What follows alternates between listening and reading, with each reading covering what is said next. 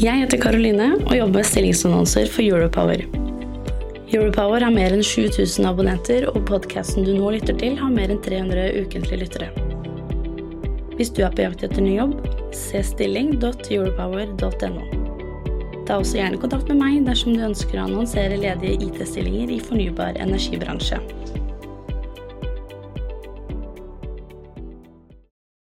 Du lytter til lyden fra en videosending med Magnus Linjære. For å se hele sendingen, gå til europower.no.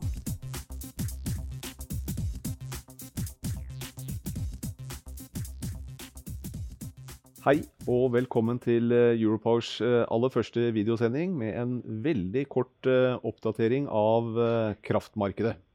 Her skal vi gå gjennom høydepunktene som har skjedd den siste uken. Vi starter med prisene i Norge. Her deler vi det inn i tre områder, altså Sør-Norge, Midt-Norge og Nord-Norge.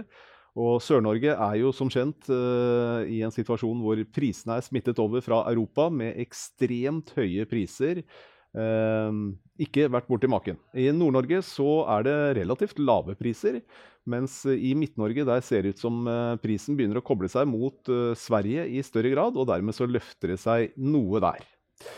Eh, ser vi litt nærmere på Sør-Norge og situasjonen der, så kan vi se på det som heter hydrologisk balanse. Og det er jo noe lavere enn normalt i magasinene, og også når det gjelder snø i fjellet. Så sånn sett så er det et lite underskudd i i Sør-Norge, som da også er en god del av eh, debatten som går om dagen.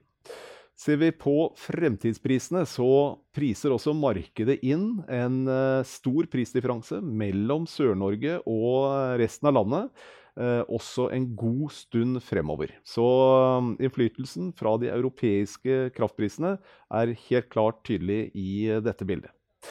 Så er det jo også en stor debatt som går eh, med dette med vannmagasiner og disponeringen av det vannet som er tilgjengelig.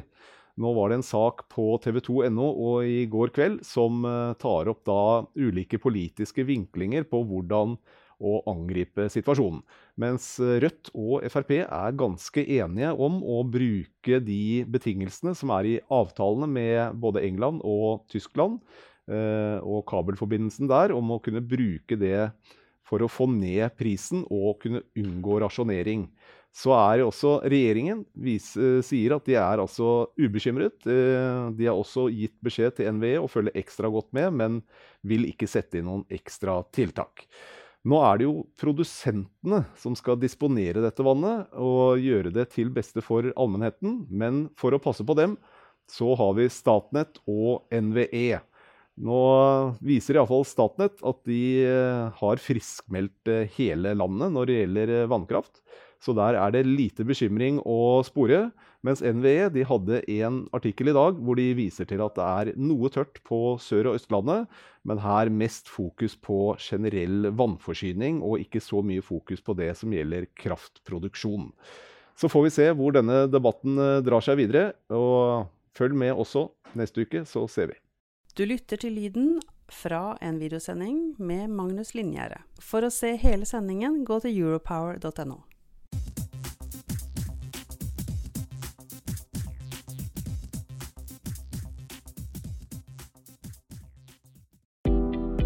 Jeg heter Karoline og jobber med stillingsannonser for Europower. Europower har mer enn 7000 abonnenter, og podkasten du nå lytter til, har mer enn 300 ukentlige lyttere. Hvis du er på jakt etter ny jobb, se stilling.europower.no. Ta også gjerne kontakt med meg dersom du ønsker å annonsere ledige IT-stillinger i fornybar energibransje.